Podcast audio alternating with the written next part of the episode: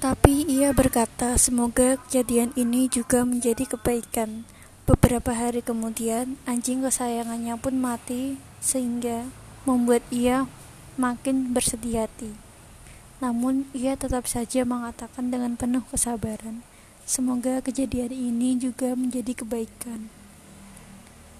Setelah kejadian yang membuat sedih hati itu, beberapa waktu lalu, ia bangun pada suatu pagi ia kaget melihat orang-orang di sekelilingnya telah ditawan.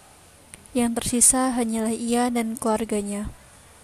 Ternyata mereka ditawan karena memiliki binatang-binatang peliharaan yang selalu menimbulkan keributan.